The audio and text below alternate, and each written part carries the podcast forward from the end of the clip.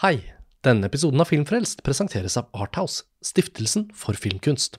I 30 år har Arthouse reist rundt på filmfestivaler og håndplukket fantastiske filmer fra hele verden, som vi i etterkant får se på kino her hjemme i Norge. For eksempel Bong Yon-hos Parasitt, Celine Siammas Portrett av en kvinne i flammer og Michael Hanekes Amour. Og nå kommer Arthouse med den nye filmen fra den sørkoreanske mesteren Park Chan-wook.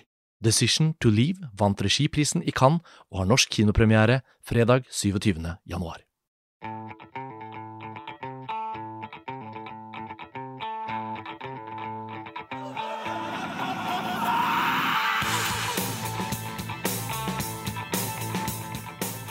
Hei og velkommen til en ny episode av Filmfrelst, podkasten fra filmtidsskriftet montasj.no. Vi er fortsatt på filmfestivalen i Tromsø, og i dag så skal vi snakke om to av festivalens filmer. Vi skal til engelskspråklige titler. Vi skal snakke om The Banshees of Inisherin og Funny Pages. To ganske ulike filmer, og alle vi fire i panelet som sitter her, har ikke sett begge to alle sammen, så samtalen blir litt fordelt på oss alle. Eh, la meg introdusere dere fra venstre. Jeg har med meg Ida Katrine Holmen Nilsen. Hallo. Hei, Ida. Og Lars Ole Kristiansen. Hallo. Og Erik Vågnes. Hei. Og Ida og Erik, eh, dere har jo vært der i flere dager på festivalen. Dette er første podkast med dere to i panelet. Og dere to har sett denne 'Banshees of Inisherin' av Martin McDonagh, som jo allerede er blitt en sånn frontrunner i årets Oscar-race, og som da fikk sin sånn store litt sånn festivalvisning her i Tromsø. Um, Martin McDonagh, Lars Ole, vi har jo fulgt han litt sånn med et sånt litt skeptisk blikk, føler jeg. Vi, begge vi to litt. In Bruges har jo vært en film mange har vært glad i i mange år. Um, og så den forrige, Three Billboards Outside Ebbing, Missouri. Uh, som var i Venezia, og som vi Som ikke betød noe for oss. Nei, det var et skuldertrekk, men som ble litt en sånn stor omtalt film litt, og nå er kanskje litt glemt, tør jeg påstå. Jeg har aldri forestilt meg etter den visningen i Venezia at den skulle ende opp som en av det årets på en måte store Oscar-filmer, mm. men uh, med nominasjoner i nesten alle tunge kategorier. Men uh, det, sånn, sånn, ble det. Mm. Uh, In Bruges syns jeg er en kjempeartig film, som jeg ikke har sett siden jeg så den da den var på norske Nei, kinoer. Ingen av oss dyrker den vel, uh, men den er For noen er jo det en sånn skikkelig kultfilm. Ja. Men uh, ja. Så kanskje litt underbevisst har ikke vi da prioritert uh, Banshees og Inisherin under TIFF, men uh, derfor er det jo veldig bra at dere to har sett den, Erik og Ida. Jeg vet ikke, Erik, har du lyst til å starte litt? hva handler denne filmen om? Hvem er det vi møter her? vi møter egentlig to venner, eller du begynner i hvert fall med at uh, Colin Farrell sin karakter tror de fortsatt er venner, og kommer og banker på døra, og uh, det er ingen som åpner. Og så ser han en vinduet, og der sitter han og hører egentlig at vennen står og banker, men uh, han vil ikke ense at han, han er der engang. Brendan Gleeson, da, som Ja, stemmer. Mm, mm. Uh, og da uh, viser det seg da at han har bestemt seg for at uh, det vennskapet her, det må ta slutt. De skal ikke ha kontakt. Og da blir jo Colin Farrell kasta ut i en slags eksistensiell krise. ja. Der han begynner å tvile på seg sjøl, hvordan han er som type. Er han egentlig en kjedelig fyr som, som egentlig ingen liker? Så det er egentlig utgangspunktet for plottet, da. Ja, og vi trenger, altså jeg vet ikke om det er mye spoilers her, men vi trenger jo ikke å spoile den. og lytterne, Den kommer jo på kino i Norge og sånn, men, um, men, det utgangspunktet der i da var liksom Før filmen liksom var i gang, og ut fra hvordan du har forholdt deg til disse McDonagh-filmene, hva, hva, hva, forventet du? Um, jeg, hadde, jeg, har ikke noe forhold til, til ham overhodet. Men det var mye sånn hype rundt denne filmen på festivalen. Jeg fikk den liksom anbefalt veldig av sånn tre-fire forskjellige ja. menn, og fikk eh, bange anelser om at dette var en sånn frustrert mannefilm. Ja. Men den har jo altså fått enormt gode kritikker. Mm. Vi hoppet jo over den i Også i Venezia. To, to festivaler på rad. Det er vår stille protest. Og så blir ja. lytterne våre som, kjem... som, setter ja, veldig stor pris på denne manusforfatteren og regissøren, så fremstår dette sikkert uh, utrolig nonsjalant. Men, uh, men vi må alltids gjøre noen prioriteringer, og vi følte vel at hvis det blir noe stort rundt den filmen, så ser vi den på et senere tidspunkt. Og det skulle jo egentlig da vært i løpet av TIFF, men så ble det Vi har hatt så mye å gjøre her oppe at det rett og slett ble for vanskelig for meg å få og, og, og, gjeste den visningen som jeg i utgangspunktet hadde eh, valgt meg ut. Men jeg skal jo se den når den kommer på norsk kino, fordi at det er en av årets store Oscar-filmer. Altså, den kommer jo til å bli nominert eh, i mange kategorier, og er en av filmene som kan vinne Oscar for beste film i år. Amerikanske filmkritikere virker som de er veldig begeistra for den. Den eh, figurerer på Ja. uh, mange lister over liksom uh, filmer som man bør se. Mm. Men Ida, denne bussen på TIFF som da du ble du nysgjerrig Hva var liksom sånn Denne frustrerte mannsfiguren Vi ser jo han av og til på film. Altså, hva, hva var det du tenkte? Ja, av og til. Sniker en gang Det var, eh, Det er sjeldent, men Ja, det er et veldig sjeldent tilfelle. Nei, men altså, hva tenker du? Altså, Går du da med litt piggene ute når du går inn i filmen, eller? Jeg hadde ikke egentlig piggen ute, for jeg hadde ikke, jeg hadde ikke lest meg opp på liksom, eh, konseptet i det hele tatt. Så jeg så den egentlig ganske åpent, bare med at jeg hadde fått den veldig anbefalt. Så, um, eh, og det var jo stappfull pressevisning. Så det var liksom, jeg tror den var en av de mest populære pressevisningene. Så jeg hadde nok tenkt å se den uansett, så det var ikke fordi det var liksom alle feministfordommene var, eh, var på plass før jeg så den. Men uh, jeg kan jo avsløre med en gang at jeg syns den var ganske uinteressant. På sånn så godt som alle måter. Ja, Bortsett fra én, og det kan jeg ikke spoile. Det var én ting jeg var veldig begeistret for. men det- slags, eh, hvordan fremstår filmen visuelt og sånn, da? Jeg må jo spørre litt, siden ikke vi har sett den. Det er jo veldig sånn vakkert landskap. Så det er sånn å, frustrerte menn, eh, året er 1923, men periodekostymen periodekostymene er helt på tur. Eh, I sånn forblåst landskap og sånn Er det Irland? Det Ja, er Irland, ja. ja. ja, Og så hører, og så er det sånn Det er jo borgerkrigen i Irland samtidig. Det er sånn bakteppe til dette øylandskapet. Men eh, Så det kommer liksom av og til nesten på litt sånn teateraktig maner. Sånn skudd fra fastlandet, hvor alle stopper og hører liksom Oi, okay. nå er de snart ferdig med å skyte. Ja. Ja, ok. Det ble Han, som... han har jo også bakgrunn som dramatiker, han McDonald's. McDonald. Ja, sjokk. Ja. Mm. Men det virker som de prøver å etablere en parallell der da, mellom denne her, dette dramaet mellom disse to vennene og borgerkrigen. Mm. Så det virker som det er en annen kobling de prøver å trekke mellom de to, to ulike Men syns du det var en elegant allegori da, Erik? Hva slags um...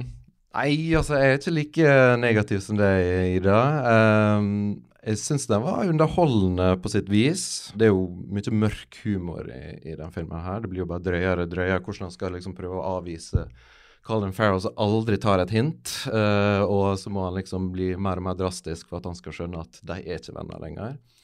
Og så er jo det Ja, det er jo en, eh, en eh, selv om du syns det kanskje ble litt repetitivt uh, hele denne fram og tilbake mellom deg, da, så likte jeg litt eh, liksom det, ja, det irske, lille sånn Stille øy-samfunnet og sladderet og alle de rare karakterene. Jeg syns det var eh, morsomt å se. Da. Ut fra plottet og omgivelsene litt sånn, så høres det ut som noe som også kunne vært en islandsk film. Eh, for is islendingene føler jeg lager disse filmene her. Ja. Definitivt. Bare med mye sau og skjegg og Ja, sånn. veldig mye skjegg. Ja. Eh, jeg synes mye sånn- sau her òg. Var det Jeg? Se Jeg, jeg må innrømme at i mine villeste fantasier tror jeg aldri noensinne kunne forestilt meg Brendan Gleeson og Colin Farrell som en sånn duo. Nei. Sånn gjennom tykt og tynt. Ja. Eh, altså, jeg ser på- for meg da liksom bare Colin Farrell i Minority Report samme år som Brendan Gleeson er i. Ja. ja, det, Troy York, eller hvilken eller- som helst av de filmene. For han er jo i alle sammen, både Ja. Kingdom of Heaven, Gangs of New York. Oh, den rollen hans i Men- Kingdom of Heaven, eh, den er litt uforglemmelig. Han Er han i Troy, eller er det bare at jeg tenker at han Jeg husker at han er, gang, han er vel i Gangs of New York der. Han ja, er vel ja, en av de. ja. Nei, Men det blir altså, faktisk nevnt Lars Ole, i filmen at det, det var et merkelig par. Et i umake par. Ja, eh. ok, det er gøy. Ja, så det er jo litt artig, da. Ja. Men eh, ja, jeg, jeg skjønner jo go- godt hva du mener, Karsten, ut ifra hva dere forteller, at det kan høres litt sånn islandsk ut. Og jeg må bare si da at jeg har tatt buss gjennom eh, deler av Irland en gang, eh, i forbindelse med en, en tur eh, fra Dublin til Belfast, som er den tristeste hovedstaden jeg noen gang har vært i, og anbefaler ingen å dra dit. Men det var utrolig flott. uh, selve turen. Og det var litt som å være i en sånn Postman Pat film. Men eh, det var vel da ikke så forblåst som det virker som i Inisherin. Dette var en forblåst Postman Pat-film. Ja. Ja, ja, det Det var egentlig ganske Ja. god. Det var faktisk en veldig god referanse. Men Ida, altså den tittelen En ting er Inisherin, men Banshees og vi jeg, Banshees er jo Banshee, sånne, ja, det er jo et sånt du- mytologisk uh, vesen. Ja. Det er vel en sånn, et slags uh, nå, Det kan være jeg husker helt feil, men det er jo et sånn slags skrikende kvinnespøkelse. I Ja. eh, sånn irsk mytologi. Ja. Men den tittelen spiller på noe som, som oppstår i filmen som egentlig ikke har noe med historien å gjøre. Nei, ok. Så det er en slags sånn Det er sånn heksefiguraktig Mm. eh, i, i filmen. Og så er det liksom i- ifølge det, den mytologien, så er det når de skriker, da, da vil det skje et eller annet dødsfall Mm. i, i nær familie, eller et eller annet sånt. så en Eh. slags forbannelse som hviler liksom i Ja. ja. Ja, for det er jo en litt sånn Jeg hang meg jo alltid opp i at den forrige filmen hadde en sånn helt unødvendig irriterende tittel. Three Billboards Outside Ebbing, Missouri, som jo da var de veldig titulære, konkrete billboardsene som hun setter opp der. Men sånn Utenfor ja, Ebbing i Missouri. men, men der, var det også, der ble det liksom så innmari konkret at det skulle liksom være litt sånn fikst, men som heller aldri ble besvart i den filmen. Det er sånn jeg fortsatt kan irritere meg over mange år etterpå når jeg tenker på så teit det var. Mens her høres jo tittelen ut som den går for et mer sånt slags poetisk bilde eller noe som ikke er så konkret. Men er det litt konkret, kanskje, eller er det Da bare pirker jeg litt i Nei, det er egentlig bare en sånn Jeg skjønte ikke helt koblinga til disse her banshees. Altså, det, det prøver jo på en måte å få publikum til å tippe litt hvem er det da som kanskje dør, eller hva er det som skjer, liksom. Mm, mm, mm. Eh, og det er jo kanskje litt overraskende, det som faktisk skjer, da, men Ja, det eh, ble, altså, det skal jeg selvfølgelig ikke spoile, men uh, jeg ble jo også, det ble jo også bøsset et sånn sinnssykt plot-twist. Oh, ja. Som eh, Ja, det får man jo se selv. Fordi dere er nesten nødt nødt til å fortelle litt mer om på en måte altså skuespillerne oh, sine rolleprestasjoner. De er, Colin Farrell er jo av mange regnet for å være favoritt til å vinne Oscar, i konkurranse med en helt uforlignelig god Austin Butler i Elvis og Brendan Frazier, eh, ugjenkjennelig i The Whale. Og skulle han bli nominert Tom Cruise i Top Gun Maverick? Ja. Eh, hvem vet? Vi altså, fingrene for at han blir Colin nominert. Farrell har, har gjort mange bra roller, syns jeg, men han er jo også en litt sånn Hva skal man bruke han til, aktiv skuespiller? Og det var noen år der hvor Hollywood skulle bruke han til absolutt alt. Og da gikk det jo litt eh, inflasjon i at Colin Farrell var med i alt. Jeg har vært fan av Colin Farrell gjennom tykt og tynt, egentlig. Også i The Dark Ages. Han, han, han, ja, men altså, han fikk jo egentlig et slags gjennombrudd med Minority Report og liksom Phone Booth, Tigerland. Ja, Joel Schumacher-filmene. Yes, rett og slett. Og så entret han den fasen på en måte der han skulle bli brukt i alt, og fikk mange litt sånn historiske roller og sånn. Så var det mange den gangen som opplevde at han hadde et for kontemporært utseende. Så når han da ble Er vi på vei til Oliver Stones? ja, så når han da var eh, Alexander i eh, Alexander eh, og John Smith i The New World og sånn, så var det mange Han ble rett og slett liksom mobbet. Og så har han jo gjort et formidabelt comeback de siste ti årene og blitt en skuespiller alle er enige om på en måte at det er veldig god. Og topper det seg i den uh, filmen, da? Var det et ledende spørsmål? altså, ikke for min del. Det må jo også sies at han var jo sånn supersexsymbol, i hvert fall en eller annen gang på 2000-tallet. Og det må jeg si, det står virkelig for fall her. Men det er mye sånn Um, Altså, nå spiller han jo sånn, som du også nevnte, en litt sånn litt irriterende type karakter. Det er på en måte mye av humoren i filmen er at eh, han kanskje er landsbyidioten, kanskje ikke. Hvem er liksom dummeste på øya? Og han, jeg holdt på å si, han uh, slår jo den ordentlige landsbyidioten nesten til målstreken. Det er mye sånn unødvendig sånn øyenbrynskuespill som irriterte livet av meg under hele filmen. Ja. Med litt sånn, du vet, sånn liksom nesten Donald-aktig, forvirret uh, dusteuttrykk. Ja, ja, Jeg jeg liker at du nikker, i det minste.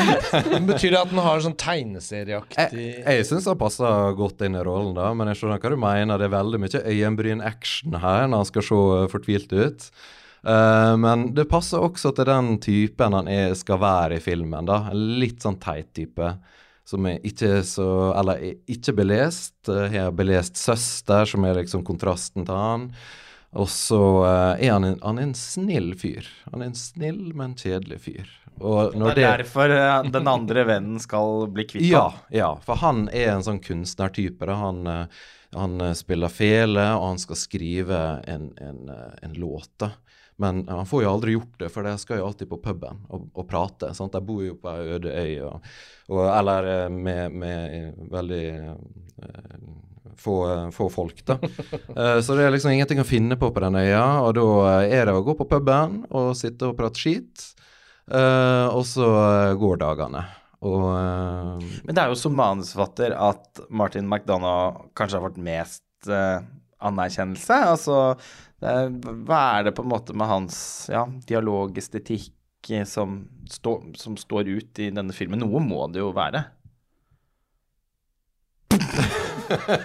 Jeg har ikke vokabular for å uttrykke Men det var en veldig potent stillhet. Altså Jeg tenker på en måte vi fikk et svar, da. For jeg føler jo ikke at dere er Jeg føler ikke at dere er voldsomt begeistret over denne filmen. Jeg hadde et veldig potent øyenbrynsreaksjon. Ja, er ja, ja, vi, kan, vi kan rapportere til lytterne at uh, øyenbrynskuespillet ble praktisert Ja, her i det er jo faktisk min spesialitet. Ja. Nei, jeg, jeg syns ikke altså dialogen var spesielt eh, virtuos, egentlig. Uh, men, eh, men jeg syns jeg har nå litt sansen for på en måte utgangspunktet. da. Eh, det at noen eh, bare avslutter et vennskap. eh, det er ikke så ofte man ser det portrettert på film.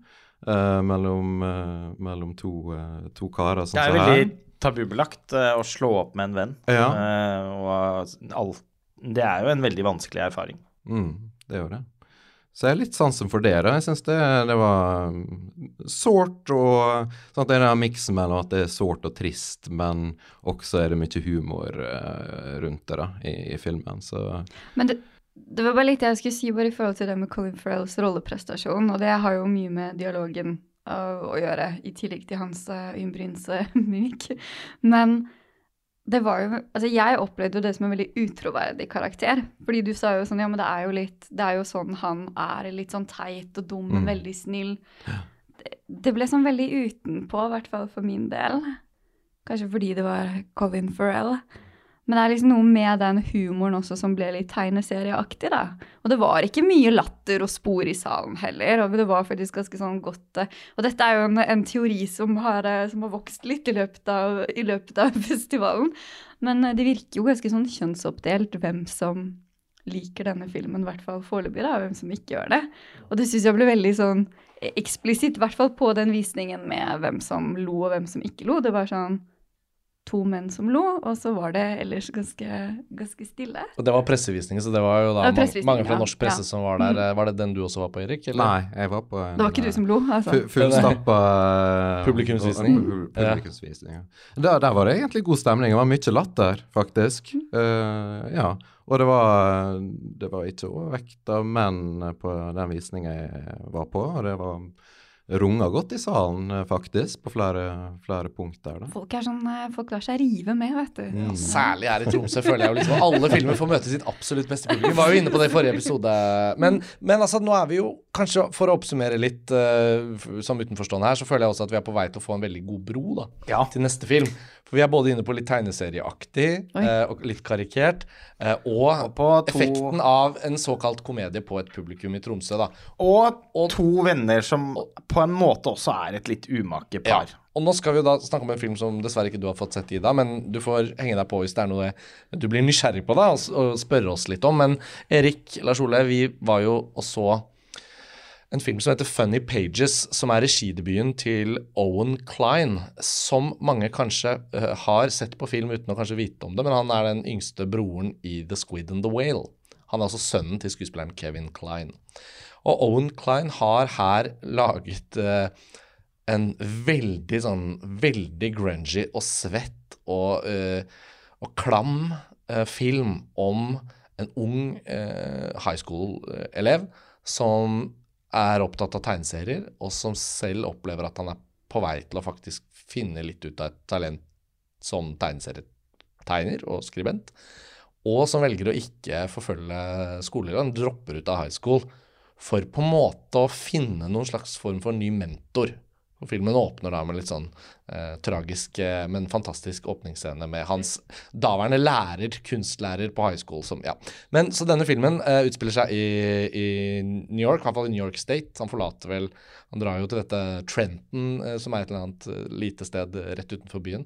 Um, og det er skutt på 16 mm. 16 mm vil jeg tro vi, er skal, ja, vi, skal snakke masse om, eh, vi skal snakke litt om form, formgrepene her, men premisset for filmen er i hvert fall det. da. Og han, hovedpersonen, er av hele rollegalleriet i filmen, inkludert hans foreldre, så er han på en måte den minst utrolig utseende castingvalget er. Ja. Han er en slags streit fyr som ser noenlunde normal ut som en high school tenåring. Det er nesten ingen kjente skuespillere i filmen.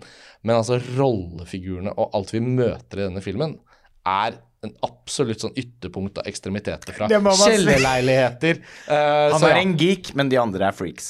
Ja, så det, det er, jeg bare tenkte det var en grei måte å sette opp premisset på. da. Den hadde premiere i Kritikeruken i, i Cannes, uh, og det har vært mye snakk rundt den fra de som har sett den. Uh, og nå har vi sett den, og ja, ja, det var jo for meg i hvert fall den mest sånn åpenbart sånn s s morsomme og skikkelig sånn overraskende og litt sånn rett og slett litt ekstreme. Og ekte ekstrem film. Hands down beste sånn vold, men- kinoopplevelsen jeg har hatt eh, i løpet av TIFF. Ja. Denne filmen var jo hylende morsom. Eh, og den første timen syns jeg var så god at det på en måte Altså at, at det er snakk om nesten en sånn umiddelbar kultklassiker.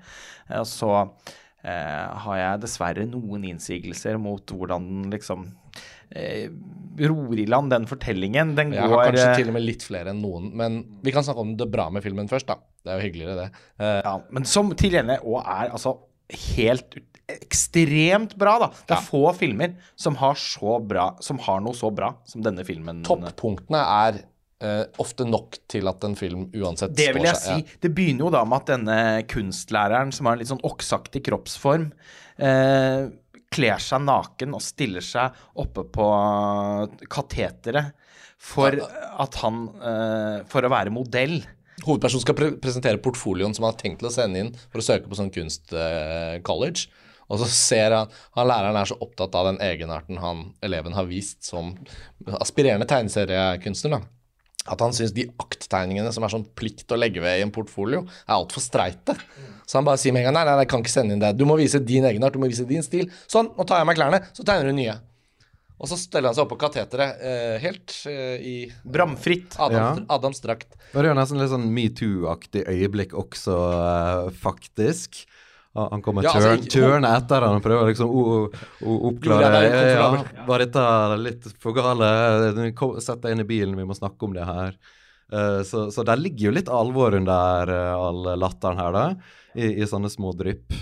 Og så uh, blir, blir Altså, mens de går og debatterer der, han læreren Men jeg kan kjøre deg hjem. Han bare Nei, nei, det er bare fem minutter å gå. Ja, ja, men det er så kaldt ute. Sett deg inn i bilen. Og mens de Det er rett før jul.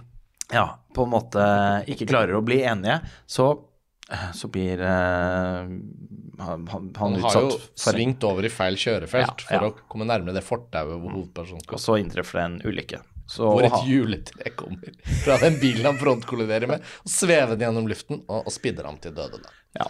Det er åpningen, så det er ikke noen spoilers, men det er liksom det er en fantastisk og helt sånn u, u, Den idéflyten blir helt så ukontrollert at kontrakten filmen da tegner med oss, er bare sånn Å ja, det er såpass, ja. Ikke bare den aktbiten, men også det. Ja, og eh, i kjølvannet av eh, å ha på en måte da eh, mistet sin første slags mentor, Ja. så bryter han og hans eh, eneste venn seg inn på sko hans kontor på skolen for å rett og slett eh, ta vare på noen sikre seg tegninger som han har eh, laget, og så eh, blir de oppdaget og meldt til politiet, og det blir en bitte liten rettssak som han selvfølgelig slipper veldig billig unna, fordi det var jo åpenbart ikke liksom, tenkt som en kriminell handling, og det var ikke, det, det var ikke et eh, innbrudd for vinningens skyld, osv. Men hun advokaten som han får tildelt gratis, Ja, sånn offentlig oppnevnt eh, ja, mm. utrolig herlig dame. Eh, full av humor. Og når han skal takke henne for at han, hun vant saken, så gir han henne en karikaturtegning av henne. Og hun syns altså den er så ustyrtelig morsom. Som han har tegnet kjapt sånn mens Ja. det liksom Og, eh, og lurer med en gang på Å, kunne du være så snill å tegne Jeg har en kollega, skjønner du, som jeg tror du vil s- s- veldig godt. Eh, ring, er det greit hvis jeg bare ringer han, og så prøver du å tegne han? Og, og, en veldig underlig utseende kollega som kommer inn i bare liksom et minutt. eh, og, og eh, hans tegning av han kollegaen er jo også da helt fantastisk eh, god. og hun skriker av latter og hiver etter pusten. Og, Og tilbyr ham jobb. og tilbyr ham jobb, rett og slett. Som assistent på kontoret. Ja. Og, og alle karakterene i filmen er jo sånne karikaturtegnetype folk. Alle Larssons gale verden, Ja. Vi er bare hårsveiser. så vidt i gang her. Fordi eh, det når jo Ja, om man, om man skal si toppen eller bunnen. eh, Fordi vi skal jo altså ned i en eh, slags kjeller- eller sokkelleilighet. Ja, og Hvis noen lurer på hvorfor det blir litt naturlig å beskrive scener som skjer i filmen, så føles det som den enkleste veien til å sette ord på hvorfor filmen også er veldig bra når den er bra. Fordi det er litt, eh, Uten å forklare det, så føler jeg det er vanskelig å bare si det er masse, masse rare typer her. Man må liksom sette det litt i sammenheng. Og dette Han flytter jo da hjemmefra. Ja, til dette Trenton. Eh, og han har jo ikke noe penger, selv om han har jo velstående foreldre. Men eh, de støtter jo ikke hans valg. Eh, og han er også en litt sånn eh, Altså, han er en type som ikke liker å Altså, han, han vil ikke ha noe hjelp, da, på en måte. Han Han er jo i et slags opprør òg. Han har litt Ja. sånn middelklasse Ja. Det blir understreket på en sånn lunsj de har sammen, der han annonserer at han sannsynligvis ikke da ønsker å At han velger bort college. Men Han sitter og spiser burger på en veldig ufordragelig måte. Han er jo en skikkelig eh, ulikelig fyr, egentlig, eh, han eh, hovedpersonen. Men han har én venn som bare er snill, men også veldig irriterende. Som har altså et så underlig utseende og et så irriterende oppsyn. Hadde det oppsynet vært en del av min hverdag, så hadde jeg nok det, det hadde ikke gått, tror jeg, på en måte. Sånn denne filmens Colin Farrell, da, fra den andre. Ja. Jo, men det er derfor det er, det, Ja. Der tenkte jeg i stad, da, når du beskrev de tingene fra Banshees, at dette her er jo en bro. Og han har også da denne eh, vennen med det litt utrolige og, og eh, irriterende oppsynet, som også har noen veldig sånn sprekkferdige kviser, som der jeg hadde holdt på å klikke av at han ikke hadde forsøkt å gjøre Litt noe med. mer over i et landskap Ja. kanskje av kviser i, i, i kinnene der som er litt uheldig. Men han har veldig flott hår, da. Til gjengjeld så han Men har et, fått to. en, og, og et enormt hår, som altså da Som, som også preger han. Uh, uansett hvor han er, så er det umulig å ikke legge merke til det altfor lange og litt sånn teltaktige håret som dekker den øvre halvdelen av kroppen hans.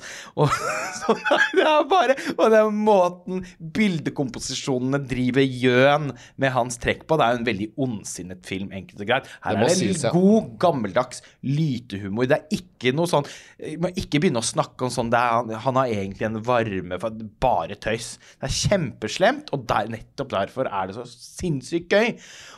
Og vi s- sa jo at han eh, flyttet da for seg selv til Trenton der, men med veldig lite penger. Og, og kan da åpenbart, åpenbart ikke velge og vrake.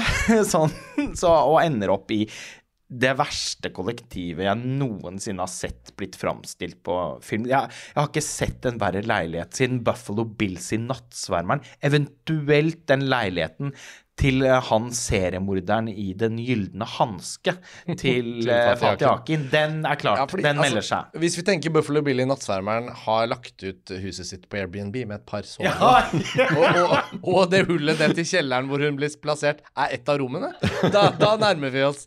Men Erik, altså, likevel så er jo ikke dette en ondsinnet gjeng han da flytter inn hos. Det er det som er så utrolig. Verdens ekleste mann eh, kommer og tar han imot. Og, som jeg Med hentesveis, han er vel for, kanskje 70 Ja, og helt ekstremt svett, eh, og kommer da i en skjorte som, som hvor, den, hvor lommen liksom har åpnet seg helt, og henger og slenger. Eh, og tar med på liksom en guide, guider han rundt da i sokkelleiligheten, som har en sånn varmetank som gjør at det er helt sånn ubeskrivelig hett uh, der. Så er det et akvarium med, hvor det kanskje er en fisk, men uh, Mest alger. Mest alger. Eh, og det er jo da også en annen som bor der, som viser seg å være på en måte elskeren til han som, som eier Tolket du det huset. sånn, ja? ja? Ja, eller Jeg vet ikke, er det noe Kan man si Var det ikke bare en slags uhyggelig Unnskyld uttrykket, men svett runkering-konsept-ting der nede som Ja, fordi jeg tenkte jo da på den scenen nesten- hvor de hadde Ja, kanskje at du mener at de bare satt og runket sammen? Det, det var jo ikke så lett å, å se Nei. på det tidspunktet. Nei, så er altså filmen på den måten spesielt ubehagelig. Ja. Hvor han uh, er hjemme i kollektivet sitt da, i dag, bare for å Nå fortsetter vi her å beskrive filmen, men um, Og liksom lurer litt på hvor er han andre Altså skal spørre om noe, så åpner han det ulykksalig, da åpner han døren til ja, Det er jo ikke helt et soverom heller, men et av rommene.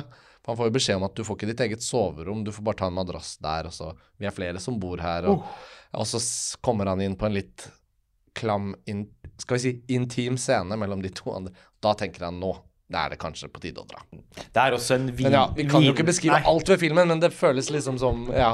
Hvis jeg skal være litt kritisk til den scenen, da, så er det litt sånn uh, gay panic-feeling over hele den scenen, egentlig. Ja. Og han ser dette her, og så må han bare flykte derifra på en måte, og bare Ja flytte ut på Og da, etter visningen, Erik jeg, jo, Om, det, altså, om den scenen var med en mann og en kvinne, så tror jeg den hadde blitt fremstilt akkurat like forferdelig. Fordi alle som var i den kjelleren der, så ut øh, til å Det det ser ut som de har ligget i lake.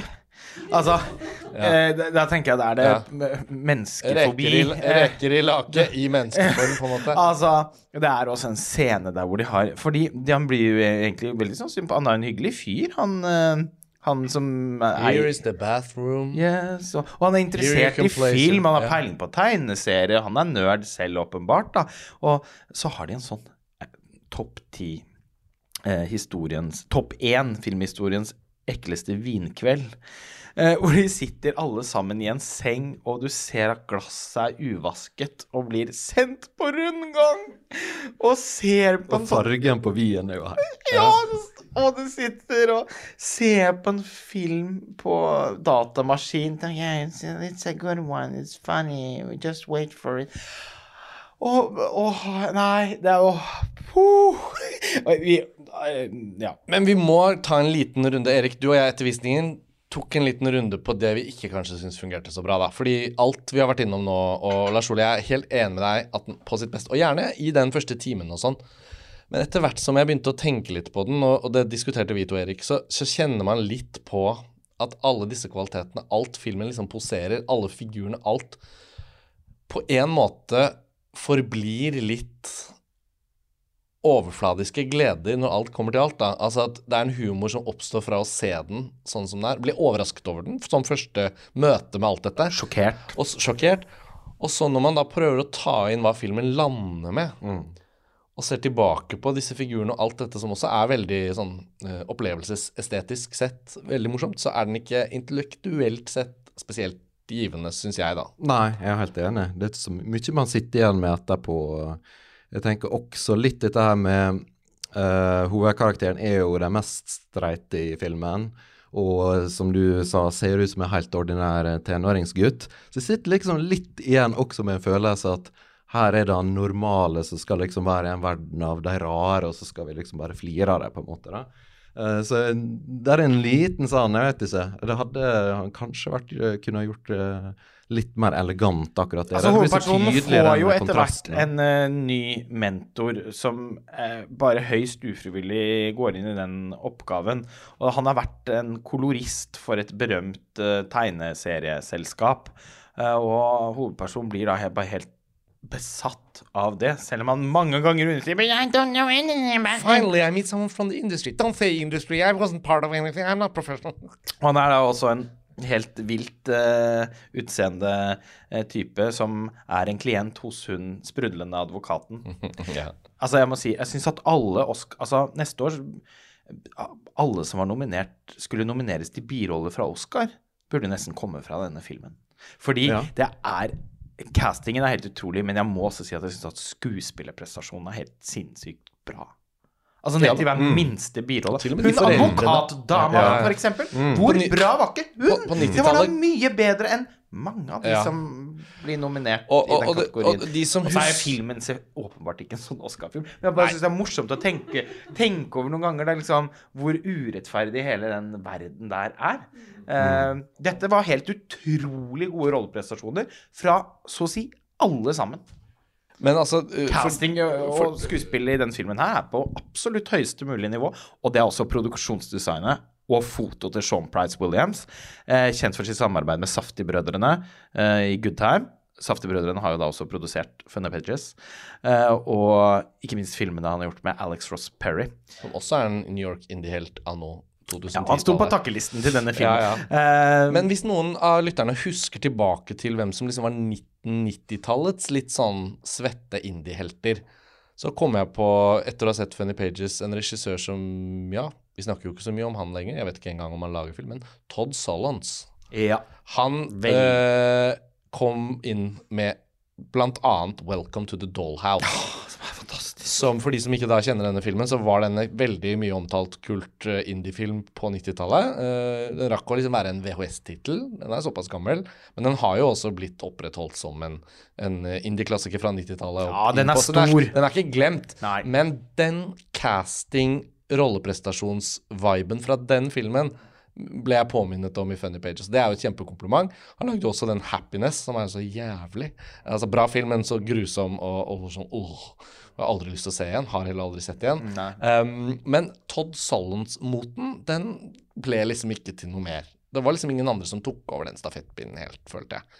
Uh, og så kom man inn på 2000-tallet, og så er liksom indie-raritetene blir mer sånn søt quirk på en bra måte. Miranda July og Mm. Ja, den er vidunderlig. Så er vi liksom inne i de filmene der og sånn. Og så har det egentlig vært et langt opphold fra den litt sånn ordentlig, litt sånn skitne, grungy amerikanske indie-filmen.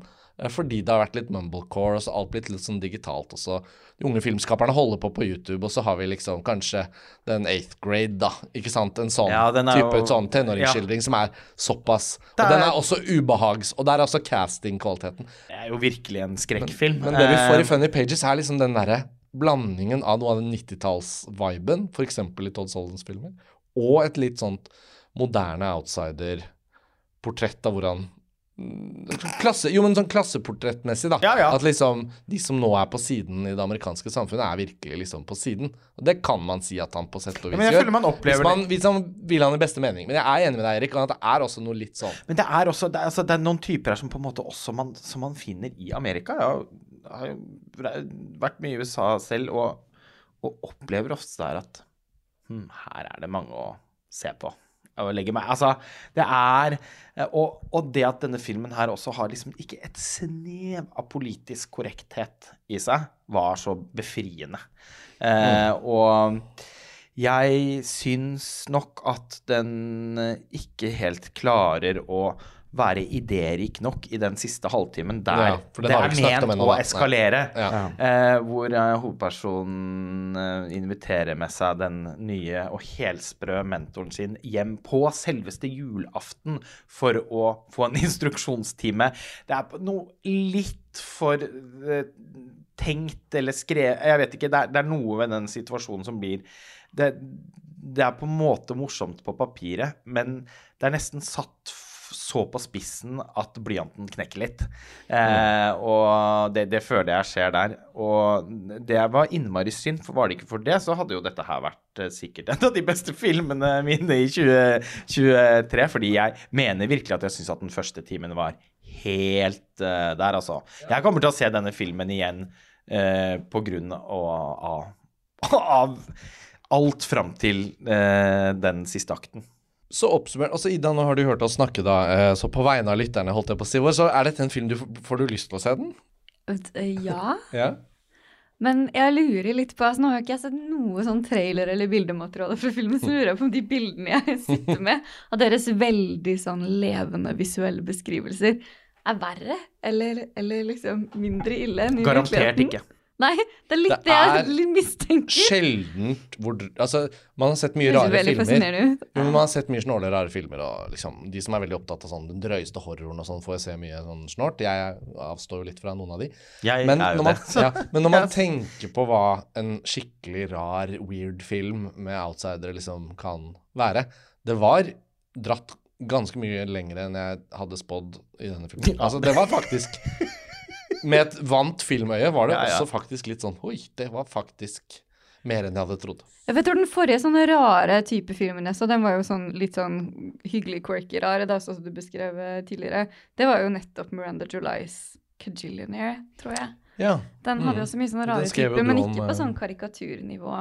Det var liksom konvensjonelle skjø- skjønnhetsidealer var, var liksom opprettholdt. ja og, og, det var og på en måte eventuelt Dette er mer som John Waters. Ja, ok. Vi Ja, men men også liksom at nemlig. vanlige skuespillere er blitt dratt over i weird gjennom sminke og parykk. Ja. og Ikke noe av det her. Ja. Det var jo ikke her, nei. Nei, her var det ekte vare, liksom. Ja, Her har det de var funnet lett og funnet. casting. Det var sånn Ikke gjør noe, bare kom her foran kamera, og så spill i denne filmen. Føltes ikke ut som de var stylet. Og sånn egentlig. found objects, mm. Ja, bare ja. i Det, menneskeform. der har du det. Rett og Sånn, slett. Rett og slett. Og, Så jeg, Ja, den, og litt av en høstutstilling ble det. den var jo den, den har vel kanskje Den vil i hvert fall være en naturlig festivalprogrammeringsfilm for andre norske festivaler, antakeligvis og sånn, men det ligger ikke i kortene at den skal ha en kommersiell kinolansering per nå, da. Den, slippe, den er produsert av A24, eller i hvert fall kjøpt og de distribuerer den i USA, men den har ikke hatt premiere der helt ennå. Så utover i 2023 så kommer vi sikkert til å både se på en måte, ja, ikke sant, trailer og plakat, og det blir jo sikkert snakk om denne. For det er mange som leser amerikanske Altså jeg føler sikkert mange av våre lesere og lyttere som også leser de amerikanske filmnettsidene og følger med, og da vil man jo få med seg Funny Pages som blir lansert, men så kommer den antageligvis ikke til Norge, da. Utover på festivaler og sånn. Så kanskje med Kosmorama det som er neste at- stopp, Ja, liksom. det burde, bør i alle fall bli vist eh, på også sånn tegneseriekonventer. Sånn tegneseriefestival Mm. Ja. og sånn i Oslo, som Aksel Kielland er invitert i. Han Ja, ja, er jo eh, en eh, Og Vega en, eh, Scene kunne jo med hell her hatt noen spesialvis Altså kjøpt den inn for en sånn kort periode og sånn, så vi får se. Men eh, ja, sikkert mange blir nysgjerrige, da. Og den er jo en anbefaling, åpenbart. I hvert fall noe å se. Man trenger jo ikke like alt ved filmen heller for å ha glede av den, føler jeg. Noe vi har glemt å påpeke, er vel eh, at eh, når den heter Funny Pages, så er det jo fordi den tegneseriesjargongen, så- eller stilen, Ja. som hovedpersonen Jeg sier hovedpersonen heller, bare fordi jeg klarer ikke å huske navnet Nei, på vi får karakteren. fortsette med det. Eh, det er jo da såkalte funny pages, som er sånn drøye, erotiske tegneserier i eh, Crumb sin ånd. Ja, ja, ja, ja absolutt. Mm. Ok, men skal vi si at det var det, da? Og så skal vi gå videre ut i festivalløypa. Og så tror jeg neste gang vi møtes for en podkast, så blir det nok liksom en slags sånn avslutningsprat eh, på slutten av festivalen. Eh, vi skal av gårde på film, så vi får avslutte. Um, takk for denne gang, Ida, Erik og Lars Ole. Da fortsetter festivalen. Vi høres igjen veldig snart. Ha det bra! Ha det bra. Ha det.